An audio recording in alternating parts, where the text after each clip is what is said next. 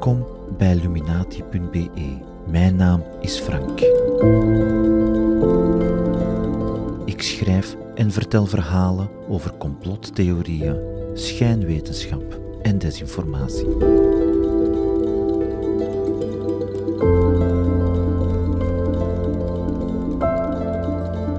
Ik heb verschillende maanden rustig geluisterd naar de stem van professor Dr. Matthias de Smet, die zich geroepen voelde zich te laten klinken. Hij greep de COVID-19-crisis aan om zichzelf en zijn weinig jolige theorieën aan een ruimer publiek te openbaren. Ik heb de indruk dat hij voorlopig het zijne wat gezegd heeft. Vandaar dat ik een woordje voor deze podcastreeks heb geschreven en ingesproken. Drie delen zelfs. In episode 1 en 2 van deze reeks heb ik de ideeën en theorieën besproken die de Smet uitdraagt tijdens zijn colleges aan de UGent, in zijn boek De Psychologie van Totalitarisme en bij de schier eindeloze reeks van praatjes in de alternatieve media van gelijkdenkende pod- en vodcasters. In dit laatste deel zoom ik uit. Ik kijk naar de manier waarop de Smet reageerde op kritiek van academisch geschoolde peers en van de reguliere pers. Ik heb het ook over de Smets markante mediacarrière, die dan weer niet los te zien valt van zijn positie binnen de zogenaamde tegenbeweging.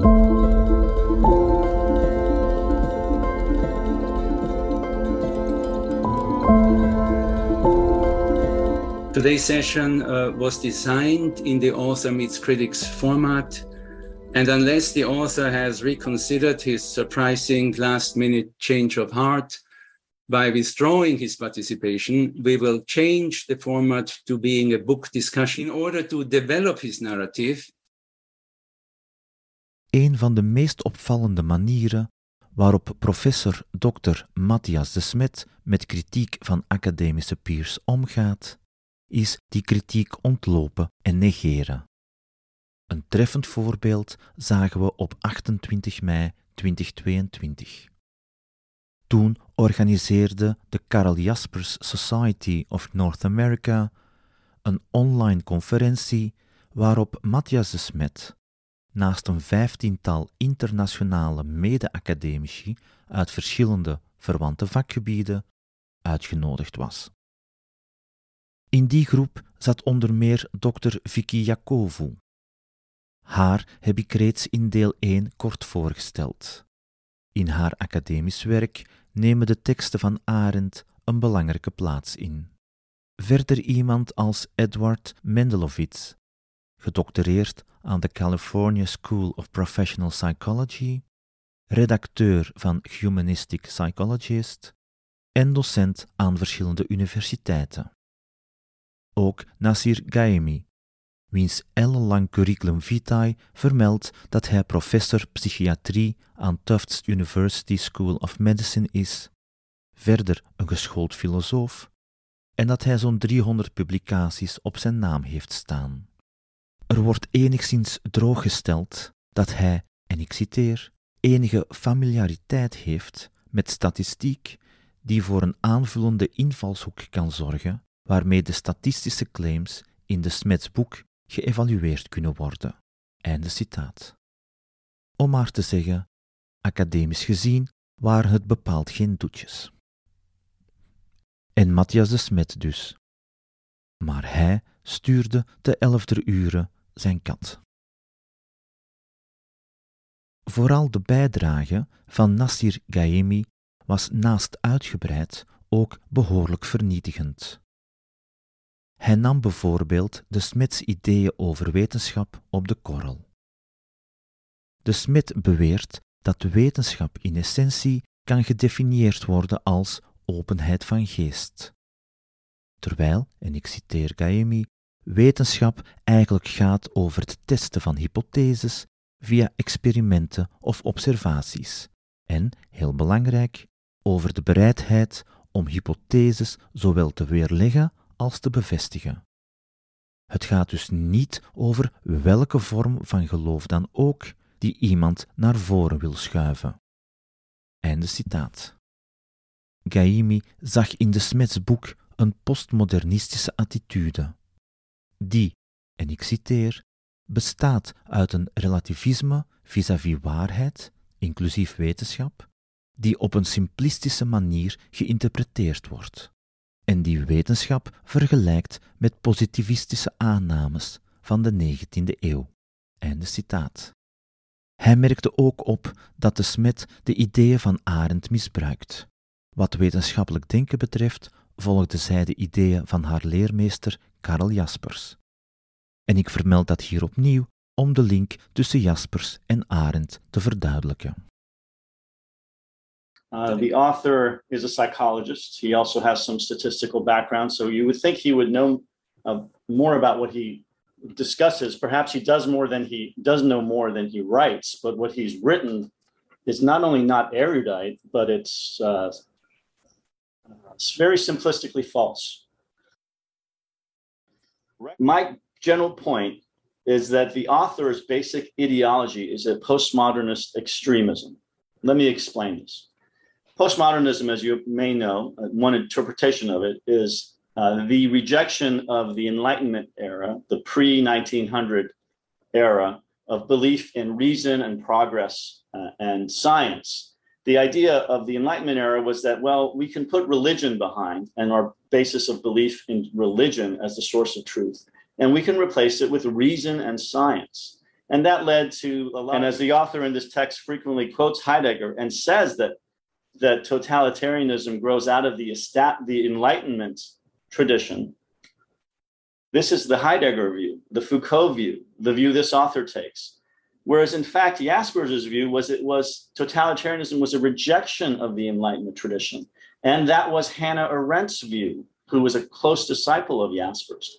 So the author is completely wrong in his attempt to use Arendt to defend his view of totalitarianism. Arendt had the exact opposite view, following Jaspers.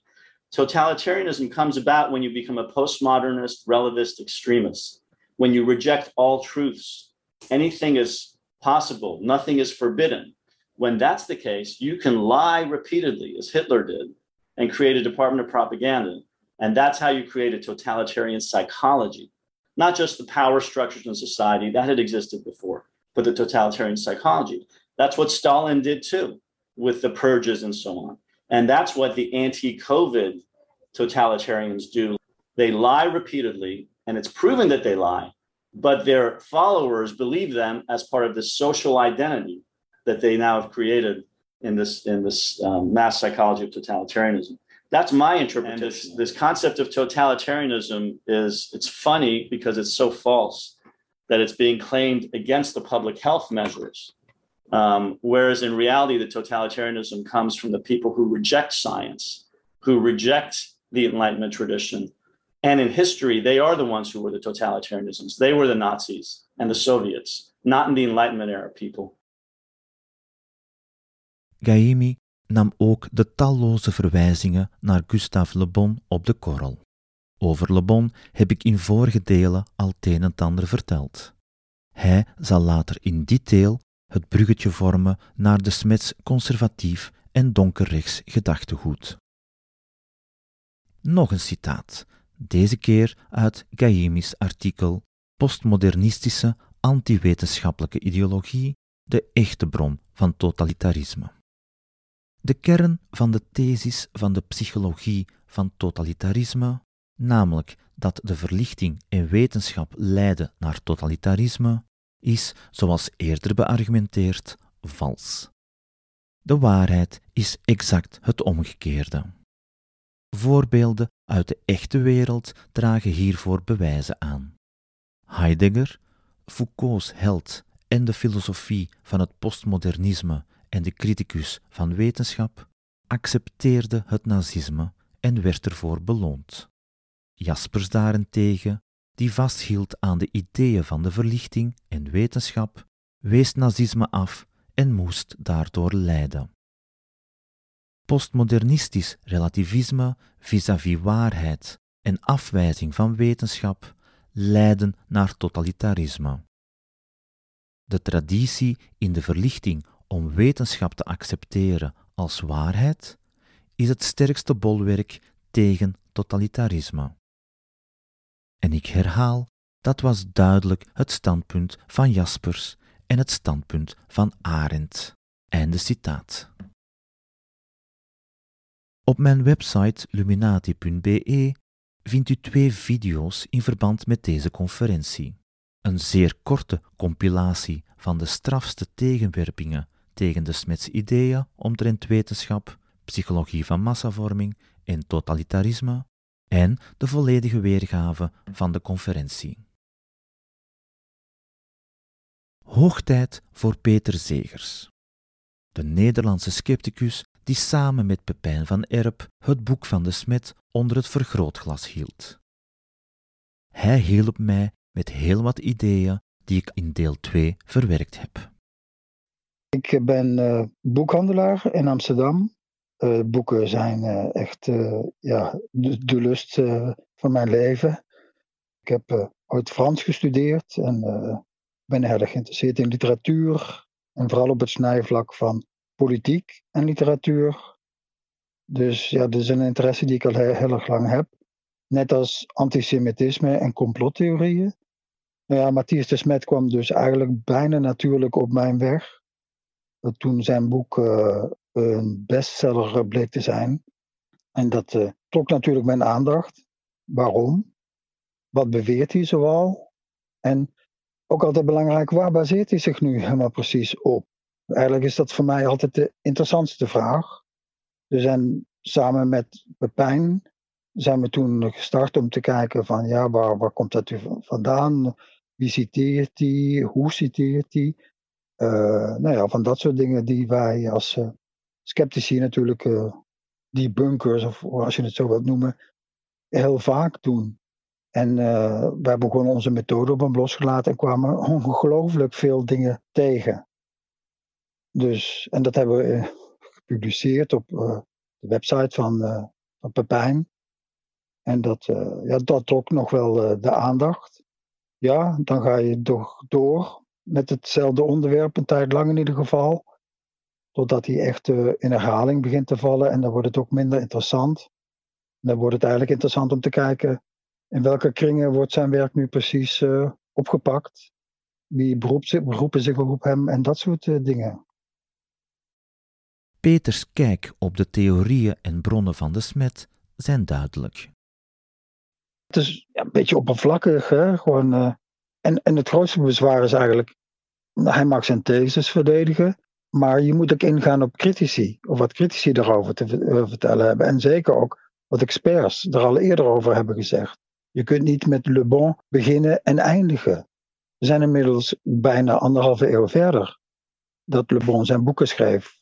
Le Bon, die natuurlijk ook een zeer problematische bron is, maar los daarvan, wetenschappelijk gezien zijn we wel iets verder dan, dan de nogal, ja, uh, noem je dat, uh, banale, om dat woord te gebruiken, inzichten van, van, van Gustave Le Bon. Dat kan eigenlijk niet. Dat is niet, dat is niet oprecht. Dat is eigenlijk gewoon volksvlakkerij eigenlijk. Om te pretenderen inzicht te geven in moderne ontwikkelingen aan de hand van, van een werk, van een oeuvre, dat volstrekt verouderd is, wat niemand nog serieus neemt. Dus ja, ik bedoel, er zijn misschien elementen bij Le Bon die, die, die inzichten gaven toen de tijd. Maar om, om dat nu gewoon één op één te vertalen naar wat er aan de hand is, ja, dat is gewoon niet, op, niet, uh, niet eerlijk. Dat is uh, onoprecht. Matthias de Smet lijkt het niet nodig te vinden om Gustave Le Bon en zijn werk te kaderen. Nochtans is Le Bon in Frankrijk nog steeds een bron van controverse. Hij heeft bijgedragen aan de verspreiding van racistische, elitaire en seksistische theorieën. Zo schreef Jean-Claude Vartel in zijn artikel De Antropologische Vereniging van Parijs van 1859 tot 1920. Zo was volgens Le Bon en zijn leermeester Paul Broca een vrouwenbrein inferieur aan dat van een man. Vandaar de flagrante intellectuele inferioriteit van het vrouwelijke geslacht. Evolutiebioloog Stephen Jay Gould noemde Le Bon de belangrijkste vrouwenhater in de school van Paul Broca. Als antropoloog is Le Bon nog steeds een van de wetenschappelijke garanten van nationalistisch extreem rechts. En dat is dan weer een citaat uit het werk van de Franse politiek filosoof en socioloog Pierre-André Taguieff, bekend van zijn werk over antisemitisme en complotdenken. De evaluatie van Taguieff en anderen maakt de Smets ode aan de Franse socioloog er des te perfider om. Le Bon zou in 1895 gewaarschuwd hebben dat de massa de maatschappij in haar greep zou kunnen krijgen. Ik citeer de Smet. Er zou een nieuwe staatsvorm kunnen oprijzen, schreef de Smet. Le Bon had het over de democratiseringsprocessen die zich ook in Frankrijk stilaan op gang begonnen te trekken. Denk aan sociale opstanden, arbeidersemancipatie en vrouwenemancipatie. De Smet had het daarentegen over de vermeende profetische gave van Le Bon, die volgens de professor de opkomst van de totalitaire staten in de 20e eeuw voorspelde. Maar ik ga terug naar de Smets omgang met kritiek. Een reactie van de Smet op deze conferentie volgde ruim acht maanden later, op 12 februari 2023. In die periode lag hij in de clinch met zijn werkgever, de Universiteit van Gent. Die had eind januari dat jaar beslist om niet alleen zijn boek van de verplichte leeslijst te schrappen voor het vak cultuur en maatschappijkritiek, maar ook om de Smets bijdrage aan dat vak fors in te perken. De Smet zelf schreef, en ik citeer: De kritische besprekingen van mijn boek die door de Universiteit Gent in beschouwing werden genomen, waren van de hand van verschillende auteurs. De kritische bespreking van professor Nassir Gaemi was in verschillende opzichten de belangrijkste. Er werd verschillende keren naar zijn kritieken verwezen in het rapport van één van de betrokken commissies. Einde citaat. In februari 2023 verschenen er uiteraard heel wat artikelen in de Vlaamse pers over het geval De Smet. Onder meer, onder meer het artikel UGent gaat handboek van omstreden psychologieprofessor Matthias de Smet niet langer gebruiken. En ik citeer: Het werk van de omstreden professor klinische psychologie Matthias de Smet bevat slordigheden en refereert aan verouderde wetenschap zegt een commissie. Einde citaat. Jammer genoeg gaan heel weinig kranten dieper in op die slordigheden en op die verouderde wetenschap. Het is uiteraard iets te technisch voor een doorsnee krantenartikel, maar het gaf de smet wel de kans om er zich in de pers goedkoop van af te maken. Neem nu het artikel UGent legt omstreden professor aan de ketting, waarin de smet verklaart en ik citeer: De zwaarste beschuldiging is dat ik een slordige wetenschapper ben, zegt hij aan de telefoon. Dat raakt mij wel. In alle boeken staan fouten, in het mijne wellicht wat minder. Einde citaat. En die verklaring zal de smid niet veel later bijstellen. Van wellicht minder gaat hij in een kwestie van een dag of wat naar geen fouten. De smid verklaarde dat hij geen fouten kan verbeteren die er niet zijn. De pers confronteerde de smet amper of niet met die al te bouwde uitspraak. Het verhaal van de smet is echter niet louter de tocht van een dappere plattelander die in zijn toren, ver weg van de werkelijkheid, enkele oude boeken leest en dan beslist de baan op te gaan om tegen een grotendeels verzonnen en schijnbaar gevaarlijk molenwiekend technocratisch totalitarisme te vechten. Of van de wonderprof die vermalen wordt door het universitaire apparaat. Het is ook en vooral het verhaal van een intelligente, maar geslepen man die zijn kans schoonzag om te schitteren op de mesthoop die het gevolg was van de mondiale COVID-19-crisis. Een man die de ellende, veroorzaakt door de pandemie, die dood en verderf aangreep om in de spotlights te stappen. Zijn interventies in de media, waarin hij het had over de schadelijke psychologische gevolgen van de lockdowns, in realiteit semi- of pseudo-lockdowns, werden door factcheckers niet al te positief beoordeeld. In bijvoorbeeld het artikel Beweringen professor Matthias de Smet omtrent corona klopt niet altijd van 11 februari 2021 legt de factchecker uit dat er geen bronnen zijn voor sommige beweringen van de Smet. En dat mag ons op dit punt in de reeks niet meer verbazen. Verder is een psycholoog geen viroloog of epidemioloog of geneeskundige. En toch dichtte de smet tijdens de coronacrisis het virus kleine, de maatregelen en de vaccins grote schadelijke gevolgen toe. Blijkbaar kwam het toen niet in hem op dat zijn onbewezen theorieën en niet onderbouwde verklaringen over COVID-19, PCR-tests en inentingen mogelijk schade konden berokkenen voor de volksgezondheid. Maarten Boudry schreef onder meer, en ik citeer, op basis van wat slecht verteerde wetenschapsfilosofie en twijfelzaaierij komt de smet in zijn boek dan uit op een vulgair relativisme. Met cijfers en statistieken kan je alles bewijzen. Het is toch allemaal manipulatie en zelfbedrog. Dus we hoeven de medische experts niet ernstig te nemen. Einde citaat. Boudry schreef ook, en ik citeer opnieuw, de smet verdraait zelfs de data van de Wereldgezondheidsorganisatie over stijgende armoede, die vooral door het virus zelf komt en niet zozeer door de maatregelen. Hij trivialiseert consequent de mortaliteitsgraad van het coronavirus, dat in werkelijkheid minstens 10 tot 15 keer zo dodelijk is als seizoensgriep. Hij maakt virologen verdacht als machtswellustelingen die ons voor eeuwig en drie dagen met maskers willen teisteren. En hij bestaat het zelfs te verkondigen dat de indirecte doden door uitgestelde zorg binnenkort als COVID-doden geregistreerd zullen worden. Einde citaat. Maar kritiek op zijn boek, zijn theorieën, zijn verschijningen in twijfelachtige podcasts liet de smet stoïcijns over zich gaan. Factchecks van zijn commentaren en beweringen over de maatregelen tegen COVID-19, waarbij de smet gretig met alternatieve feiten strooide die potentieel gevaarlijk waren voor de volksgezondheid, leken hem te amuseren.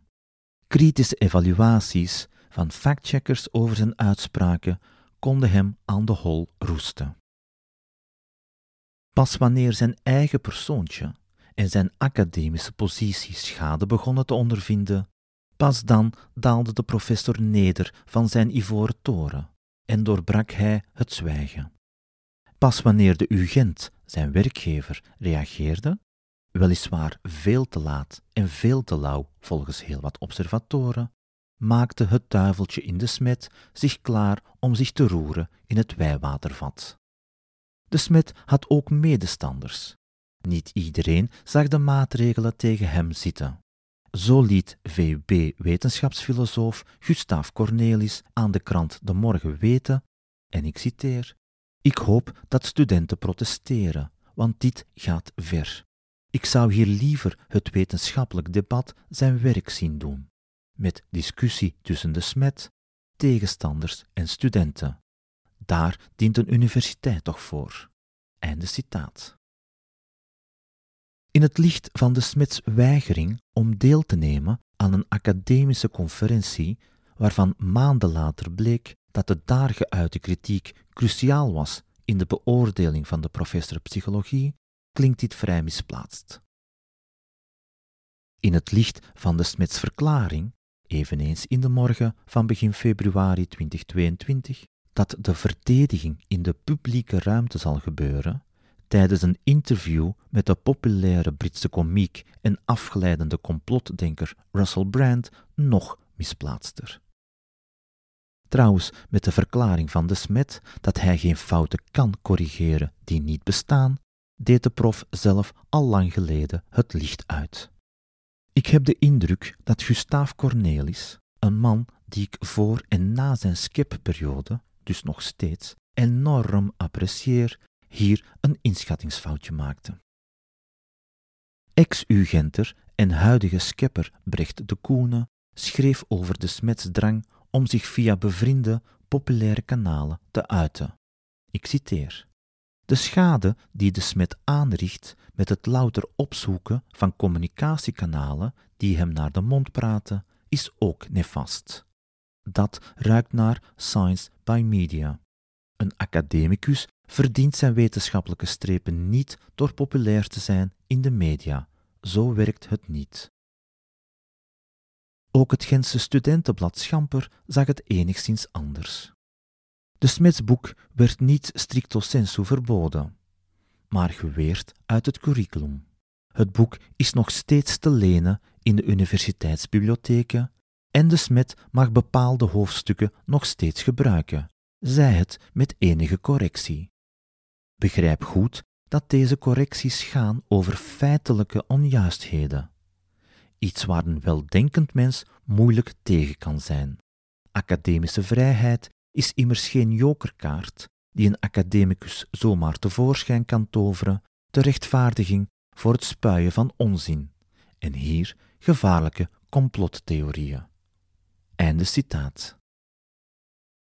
Ondertussen toonde de smet andermaal aan dat de al te optimistische hoop dat hij met Pierce zou discussiëren niet veel met realiteit te maken had. In plaats van het debat naar een academisch niveau te tillen, produceerde Smet verschillende Substack-artikeltjes, waarin hij zich schijnbaar verdedigde tegen kritiek op zijn ideeën. Maar over de aard van die kritiek bleef de Smet eerder vaag, zoals ook Peter Zegers opmerkte. Zijn eerdere weigeringen om deel te nemen aan discussies tussen hemzelf, academische tegenstanders en studenten, of om in te gaan op kritiek, verdedigde de smet met de woorden, en ik citeer, Soms reageert men best met de stilte. Einde citaat. In dat andere Substack-artikel, waarin hij kritiek lachwekkend noemt, maar het toch niet kan laten om die te vergelijken met pogingen om hem op de brandstapel te krijgen, schrijft de Boeddha van Meichem. Ik heb rustig geluisterd naar iedere stem die zich geroepen voelde om zich te laten klinken. Ik heb de indruk dat iedereen voorlopig het zijne wat gezegd heeft. Nu ga ik zelf een woordje spreken. Wat volgde was een ronduit hysterisch betoog, dat alvast mij deed snakken naar de periode waarin hij alleen maar reageerde met de stilte. In het nieuwsblad slaagde hij erin om de heibel op de UGent te vergelijken met zowaar een moord. Ik citeer: Als de universiteit nu zegt dat ze haar vertrouwen behoudt in de criticasters van mijn boek, dan is dat voor mij hetzelfde als de onschuld van iemand staande houden, terwijl die met het bebloede mes van de moord in de hand staat. Einde van dit dramatische citaat. Van het rechtsconservatieve de doorbraak kreeg hij plaats voor Mijn milde Jacuse, een stuk waarin de Smet, de Amerikaanse komiek, radiomaker en later hypnotiseur, als expert probeerde op te zetten tegen dokter Elisabeth Feymonville, diensthoofd pijnbestrijding aan het Universitair Ziekenhuis van Luik, die heel wat chirurgische ingrepen met hypnosedatie op haar naam heeft staan. Maar meestal ging de verdediging van professor de Smet over de persoon de Smet, eerder dan over zijn theorieën. Die bleef hij afschermen tegen elke vorm van kritiek.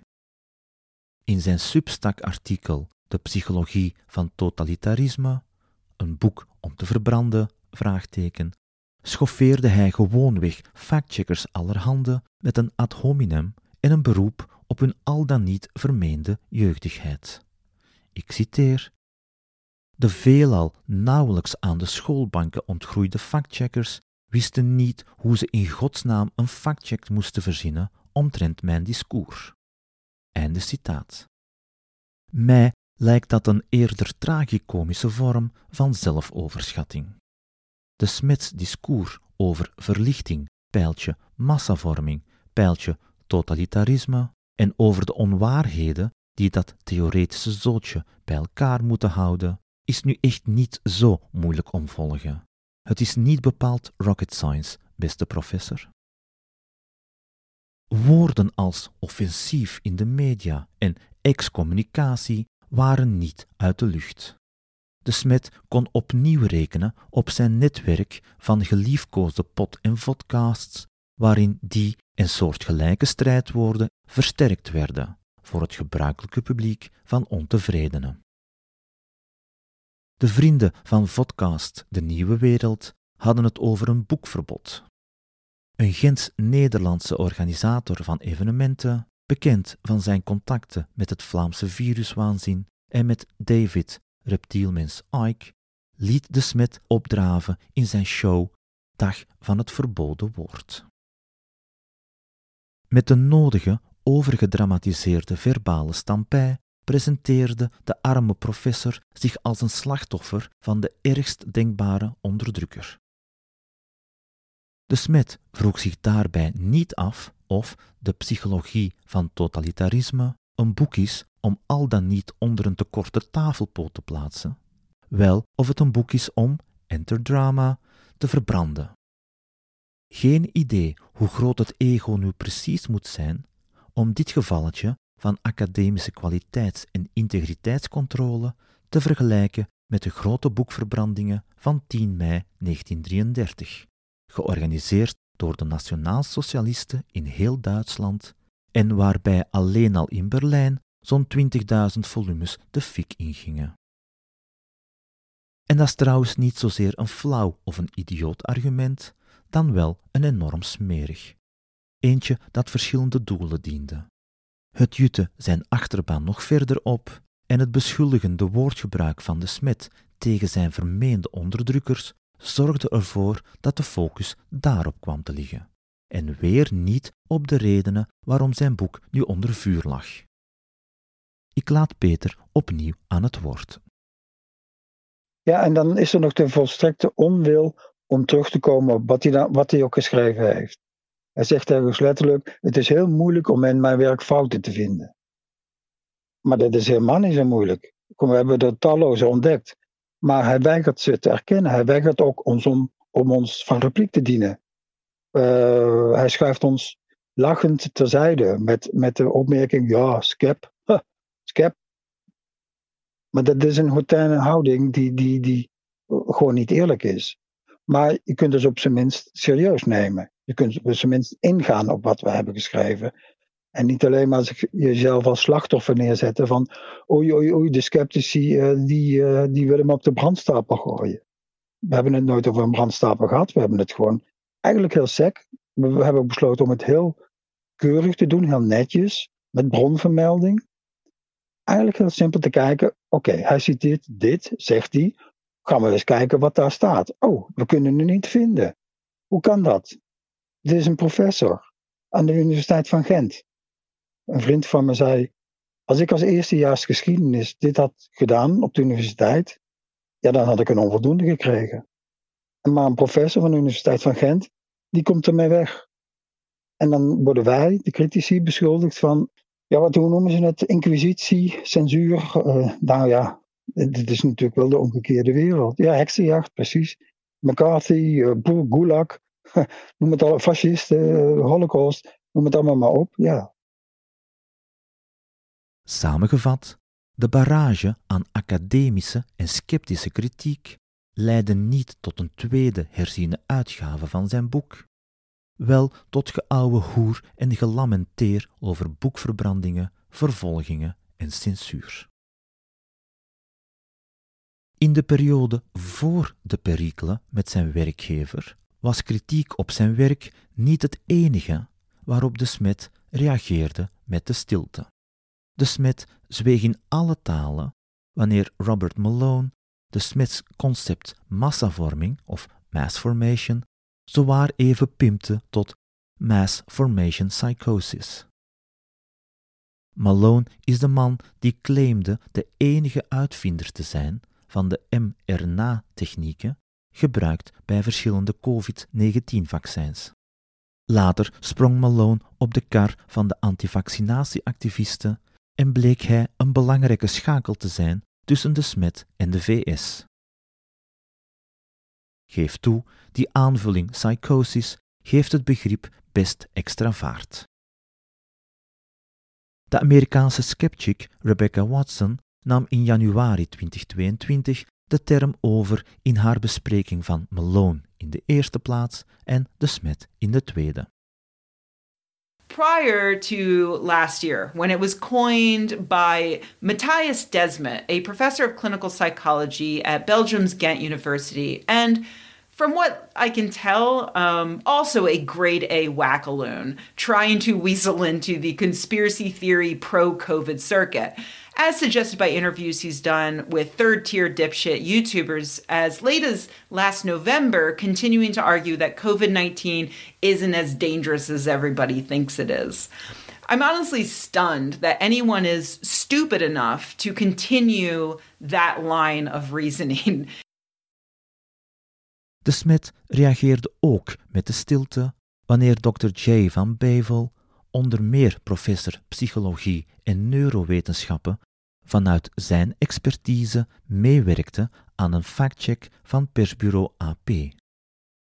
In die factcheck verklaarde Van Bevel dat er naar zijn weten geen enkel bewijs is voor het concept mass formation psychosis. Hij was het nog nooit tegengekomen in de gepeer-reviewde literatuur.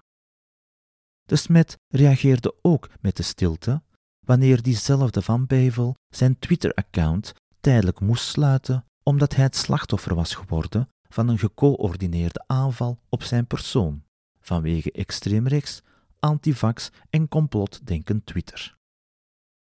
En dat maakt van de Smet stilte niets minder dan opportunisme en lafheid. Of de Smet hiervoor verantwoordelijk was? Nee, natuurlijk niet.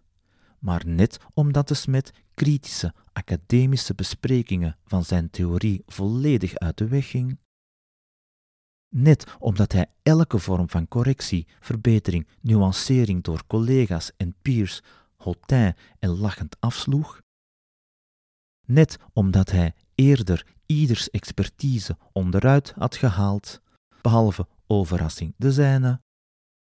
En net omdat hij opteerde voor een publieke uitrol van zijn ideeën, die zogenaamde science by media, net daarom zorgde de Smit mee voor een klimaat waarin experten op een gecoördineerde manier het zwijgen konden opgelegd worden door devote volgers, door een opgejutte meute. En die opgejutte meute, dat is de groep die behoorde tot dat segment van de bevolking dat volgens de Smet niet door massavorming beroerd kon worden. De Smet onderscheidt namelijk drie groepen die zich vormen als een massa oprijst. En ik citeer: De massa zelf, die echt meegaat in het verhaal en gehypnotiseerd is, gewoonlijk ongeveer 30%. Een groep die niet gehypnotiseerd is, maar ervoor kiest om niet tegen de massa in te gaan, meestal variërend van ongeveer 40 tot 60 procent. Een groep die niet gehypnotiseerd is en wel actief verzet biedt tegen de massa, variërend van 10 tot 30 procent. Uit welke duim de smet die aantallen gezogen heeft, geen kat die het weet. In het boek verschijnt er deze keer zelfs geen voetnootje richting heilige Gustave Le Bon. Peter Zegers reageert er nuchter op. Er is ook, ik heb een stukje vertaald van uh, Simonelli, dat is een Luxemburgse, uh, ik weet niet precies, psycho, psychoanalyticus zelfs. En die gaf ook aan van, er zitten zoveel tegenstrijdigheden in het werk van, van, um, van de Smet. Want hij beweert enerzijds dat iedereen gehypnotiseerd is, iedereen. Maar hoe komt het dan dat hij zelf niet gehypnotiseerd is? Hoe heeft hij zich kunnen ontworstelen aan die massale hypnose, waaraan iedereen schijnt te lijden? in, inclusief alle politici, alle wetenschappers, alle academici op een klein aantal na. Dus, dus ja, eigenlijk is dat in zijn theorie onmogelijk. Hij sluit bijvoorbeeld uit dat je kunt ontsnappen. Ja, hij geeft in ieder geval geen verklaring daarvoor hoe hij zelf heeft kunnen ontsnappen aan dit, aan dit fenomeen. En dat brengt ons terug bij de kritiek van Gaemi. En ik citeer: Het gaat dus niet over welke vorm van geloof dan ook die iemand naar voren wil schuiven. Einde citaat. Iets zeggen maakt het niet waar. Anders gezegd, gebakken lucht blijft gebakken lucht. Peter verwijst naar de experimenten van Ash die ik aangehaald heb in het tweede deel. Kort, één persoon in een groep wordt getest in welke mate hij zich bij een schijnbaar eenvoudige opdracht laat beïnvloeden door de andere groepsleden die wel betrokken zijn bij het experiment en die bewust een fout antwoord geven.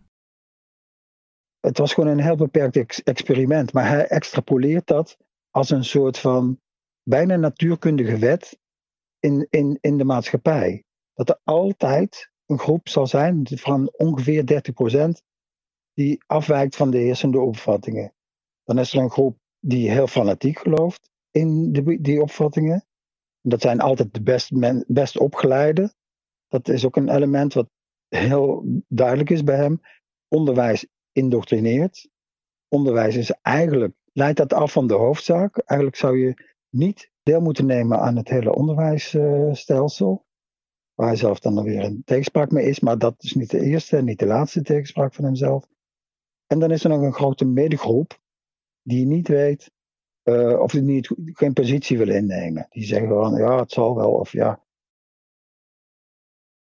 Het zal je maar overkomen. Academicus de Smet vindt het wetenschappelijk onderzoek belabberd. Maar als hij dan toch een onderzoek vindt dat hij kan gebruiken, omdat het zijn theorieën schijnbaar ondersteunt, dan heeft hij problemen met de juiste interpretatie van de resultaten. De resultaten van een onderzoek uit zijn eigen vakgebied, nota bene. En eigenlijk speelt het ook geen rol hoe de Smit aan deze indeling en deze lachwekkende percentages gekomen is. Belangrijker is dat hij een beroep doet op de oudste truc in het boek van iedereen die aanstuurt op en wil profiteren van wij versus zij denken. Waarbij wij een kleine groep van dappere weerstanders is, waartoe de smid zichzelf rekent, en zij de vormeloze, slapende of beter gehypnotiseerde massa. De smid doet ook nog eens een beroep op de tweede oudste truc. Onderwijs corrumpeert, onderwijs indoctrineert. En deze twee trucs vormen de basis van zowat elke groep kennisrebellen die zich laat leiden door desinformatie en die ik de laatste jaren van dichtbij heb bekeken. Dezelfde ideeën maken dat platte aarders zich zo speciaal voelen. Of de fans van de extremistische manipulator Alex Jones.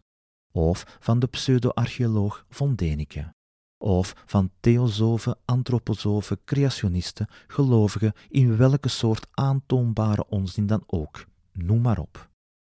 Het gaat deze groepen niet over feiten en waarheid, die zijn hen te relatief, maar over emoties en verkoopbaarheid. En dat laatste is bijna steeds lucratief. Dit wij versus zij denken en de idee dat onderwijs indoctrineert, dat zijn voor mij dan weer twee belangrijke redenen om hem niet te beschouwen als een integer academicus, maar als een, op zijn Rebecca Watsons, a grade A wackaloon.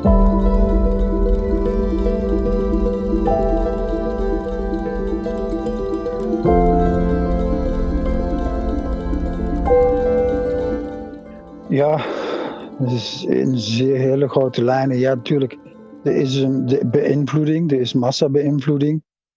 Uh, maar bij de SMET kom ik nauwelijks iets, tegen van de wetenschappelijke inzichten die, waar ik mij verdiept heb.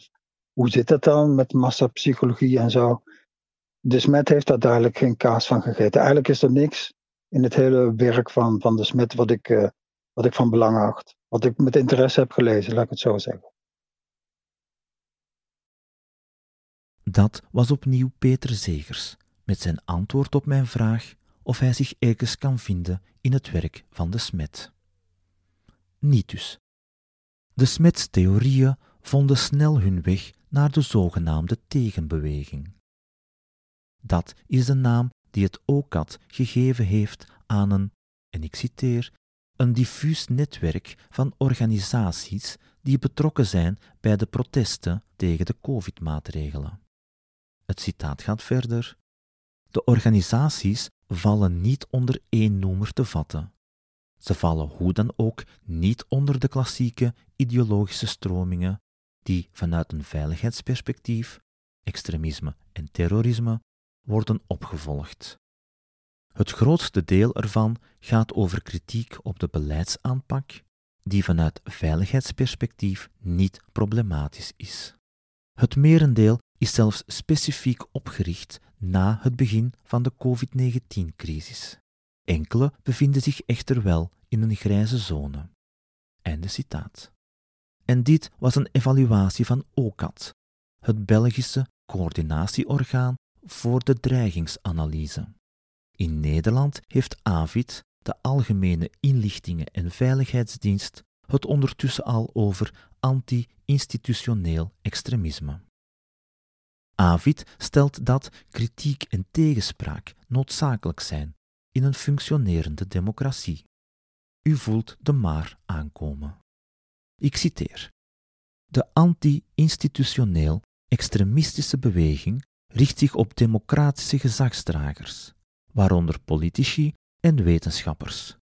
Aanhangers van deze beweging schetsen een beeld of een narratief dat er in Nederland een kwaadaardige elite aan de macht is die de bevolking wil onderdrukken, tot slaaf maken of zelfs vermoorden.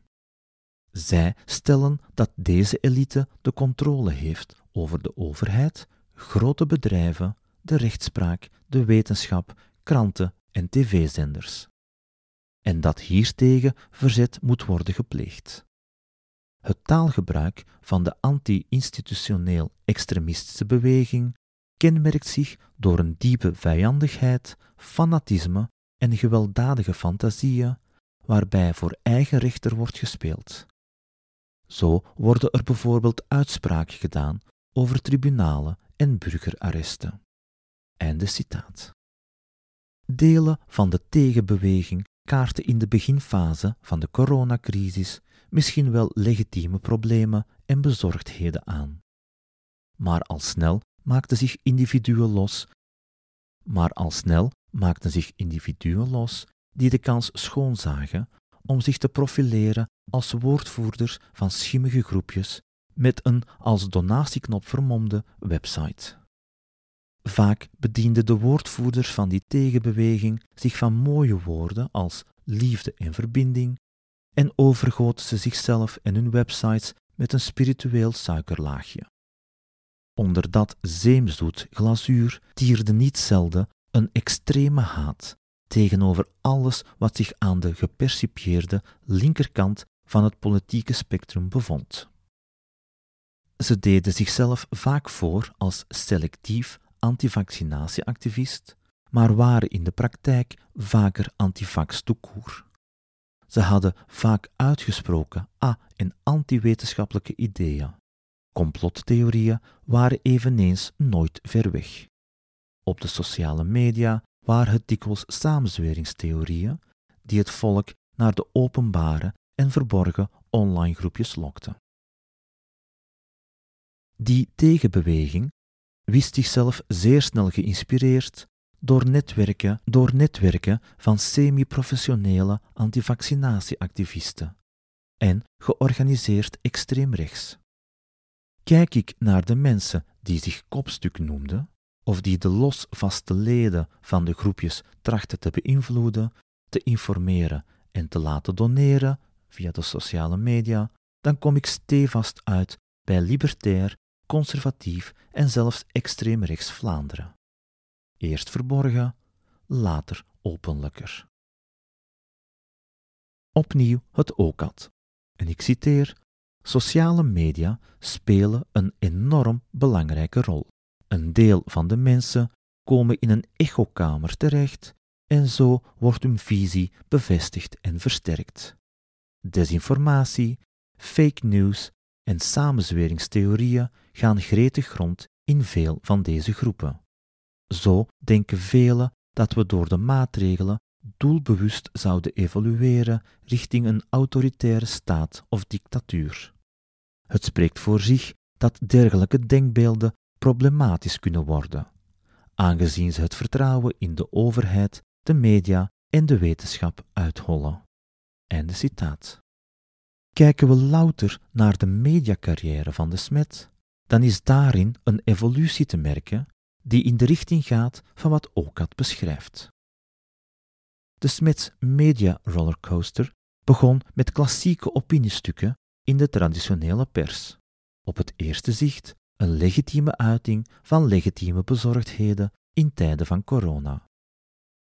Maar aangezien de Smet een loopje met de feiten nam, werden zijn artikelen al snel gevolgd door kritische factchecks, wat hem richting tegenbeweging dreef.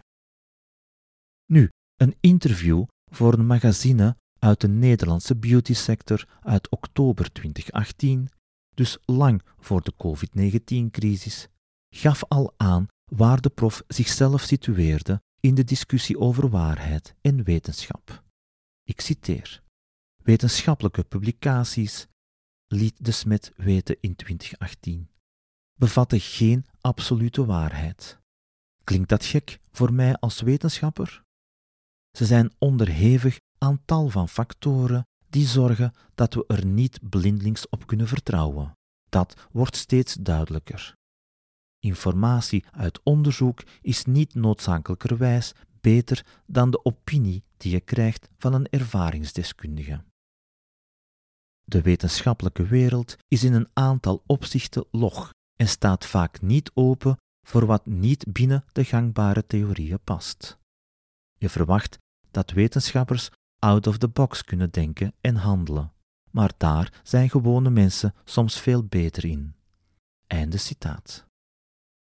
De smetsrit door het medialandschap kende een hoogtepunt bij extremistische complotbedenkers en notoire antivaccinatieactivisten aan weerskanten van de Atlantische Oceaan. In de lage landen mocht de Smet meermaals zijn bedenkelijke ideeën over de COVID-19-crisis en zijn theorieën over massavorming hier en technologisch totalitarisme daar verspreiden op het Nederlandse YouTube-kanaal De Nieuwe Wereld. Verder maakte hij zijn opwachting in de shows van complotdenker Flavio Paschino, media-entrepreneur Jorn Luca, die de gezondheidscrisis aangreep om zich van een inkomen te verzekeren door allerhande bekende samenzweringsdenkers voor zijn micro te trekken. Brecht Arnaert, een conservatief-katholieke, conservatief-rechtse en Vlaamsgezinde bedenker van complottheorieën, vaak over financiële onderwerpen en dus met antisemitische inslag, nam de Smet meermaals op de schoot voor zijn podcast.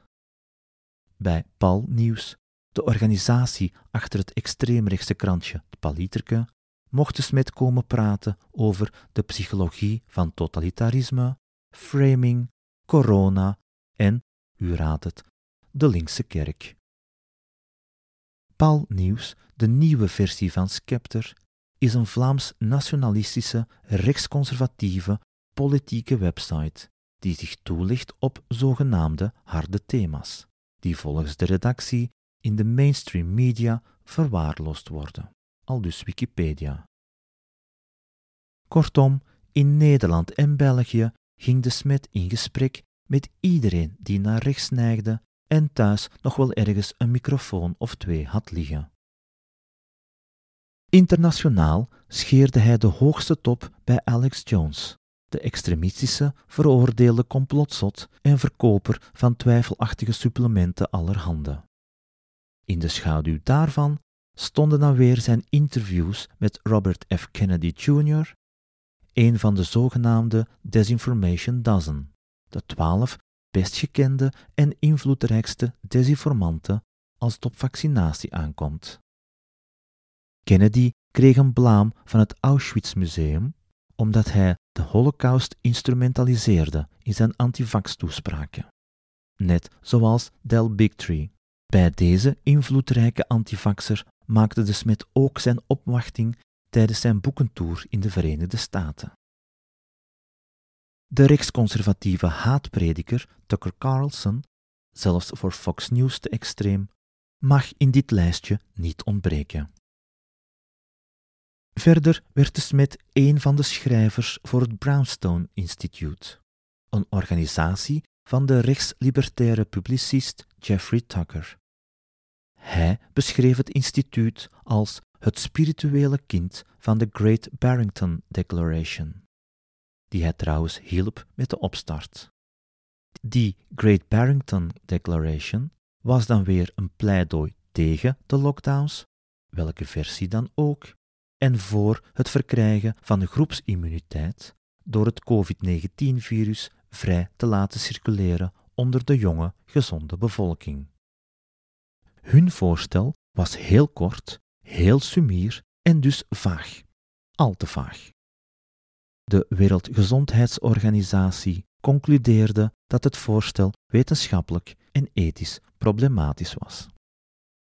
Dr. David Gorski, chirurgisch oncoloog aan de Wayne State University en vaste schrijver voor de website Science Based Medicine, beschreef in een lang maar lezenswaardig artikel hoe die spirituele spruit in de eerste plaats een rechtsconservatief, rechtslibertaire organisatie is en hoe het zich inkoopt in bepaalde Afrikaanse landen om daar antivax-propaganda aan de lopende meter te verspreiden. Hoewel ik te snel ga over dit deel van zijn mediacarrière, is het patroon duidelijk. Onze professor maatschappijkritiek maakte hoegenaamd geen tijd voor academici die zijn theorieën bekritiseerden. Wel voor een waaier aan libertaire en rechtsconservatieven die zijn agenda wilden pushen via hun uitzendingen, die populair zijn in allerhande nationale en internationale tegenbewegingetjes. Peter Zegers vat de Smits bijdrage aan het debat, het politieke debat, als volgt samen. Antiverlichting, antiwetenschap en ook in feite antidemocratisch denken. Zo zie ik zijn positie in het, in het politieke debat. Het is een contra-revolutionair die zich beroept op allerlei ja, contra-revolutionaire bronnen, of althans het gedachtegoed van degenen die tegen de Franse revolutie waren, dus de reactionaire katholieken, eigenlijk van een modern jasje voorziet. Zo zie ik de smet. Als een ultra-katholiek, die zich misschien vervreemd heeft van zijn katholieke wortels, maar nog wel het gedachtegoed uitdraagt. Maar na die hoge vlucht zakten de Smits avonturen in Medialand in elkaar. Hij bolde uit in allerhande praatjes, onder meer voor het KVHV, een conservatief-katholieke en Vlaamsgezinde studentenbeweging, die ook al de platvloersheid van dokter Jeff Hoeibergs enthousiast ontving. Verder struinde de smet wat spirituele beurzen en festivalletjes af, waar zelfstandigen in bijberoep zich ongegeneerd uitleven als medium tussen het verheven universum van engelen, energielijnen en significante sterrenbeelden en het ondermaanse, waarin de klant cash betaalt. Nog één optreden van de smet wil ik aan dit lijstje toevoegen. Op 13 mei 2021 gaf hij een praatje naar aanleiding van het einde van de Vlaamse VZ2-viruswaanzin. De bijeenkomst, die plaatsvond in een Gentse universiteitsaula en die moest doorgaan voor een academische zitting, werd georganiseerd door advocaat Michael Verstraeten. Hij vond al enige tijd dat de rol van de VZ2 uitgespeeld was en dat de tijd rijp was voor een nieuwe politieke partij. Verstraten wil met die partij, en ik citeer, de waarde van de verlichting in eer herstellen. We zijn fier op de waarde van het humanisme en de verlichting die onze samenleving gebracht hebben tot waar we voor kort stonden. Het respect voor deze waarde moet ook veel beter worden bewaakt. Citaat. En hoe kan men dit beter uit de verf laten komen dan de man uit te nodigen die zijn handenvol Minutes of Fame te danken had aan het propageren van een licht hysterisch anti-verlichtingsnarratief, van een discours over technocratisch totalitarisme dat het gevolg is van of zelfs gelijk is aan het verlichtingsdenken dat Verstraten net zo ophemelt. Op zich is dit de tegenbeweging in actie. Zeer verschillende mensen met zeer uiteenlopende gedachten die naast elkaar praten en die alleen lijken te horen wat zij zelf van de eigen toren blazen. Wat de advocaat en de professor gemeen hebben, behalve dat ze topposities bezetten in de maatschappij die ze aanklagen, het geroep en het getoeter dat zij de verklaring en de oplossing hebben voor de malaise waarin we gestukkeld zijn. Wat ze niet gemeen hebben, horen ze niet, negeren ze. We hebben hier niet één baron van Munchausen die zichzelf uit een moerasige denkwereld trekt, maar twee die elkaar uit de zompigheid van de eigen particuliere waangedachten takelen.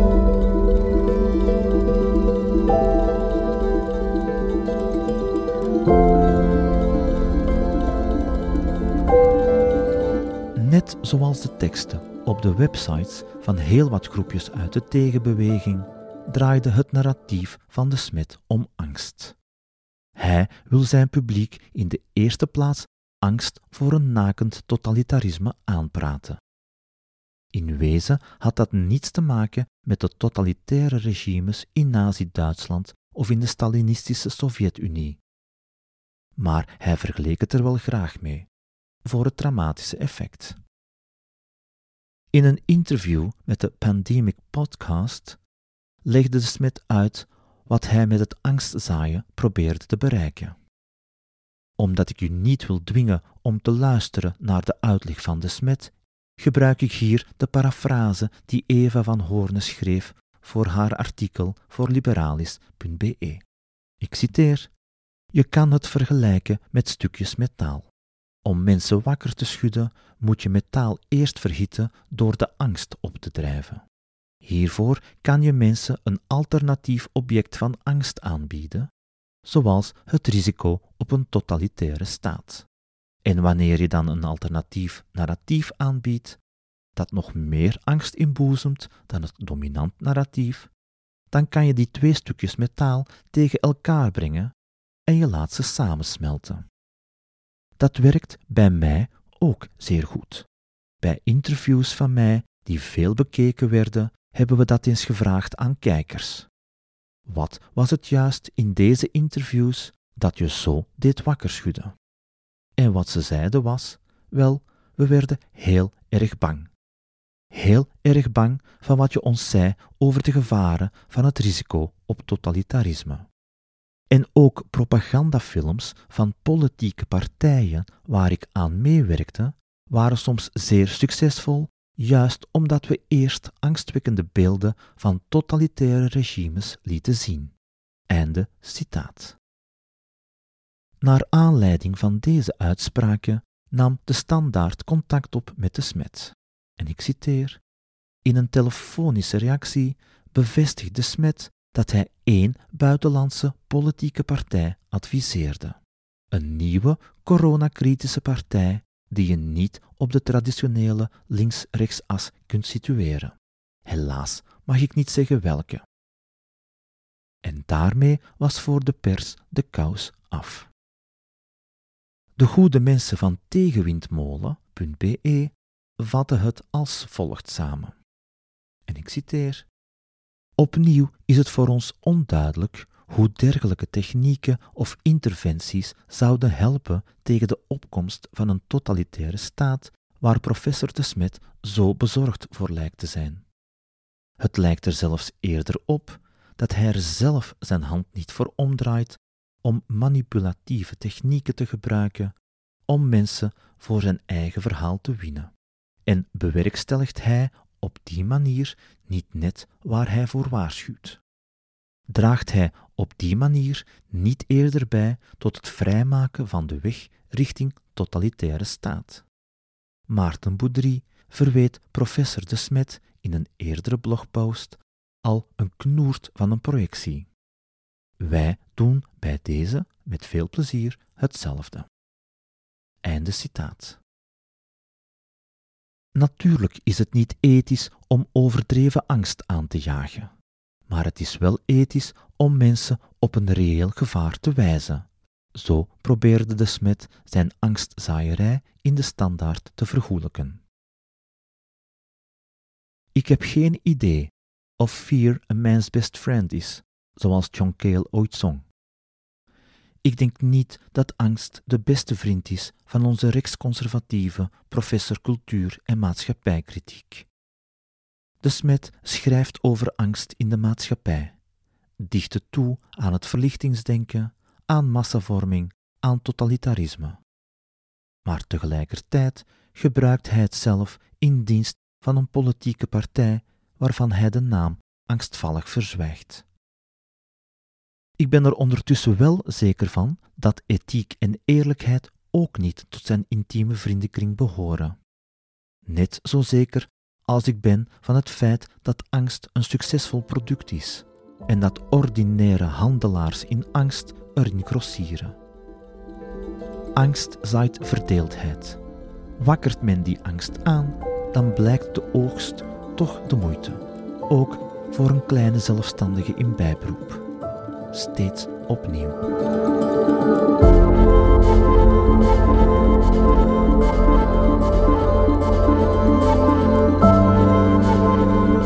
Bedankt voor het luisteren.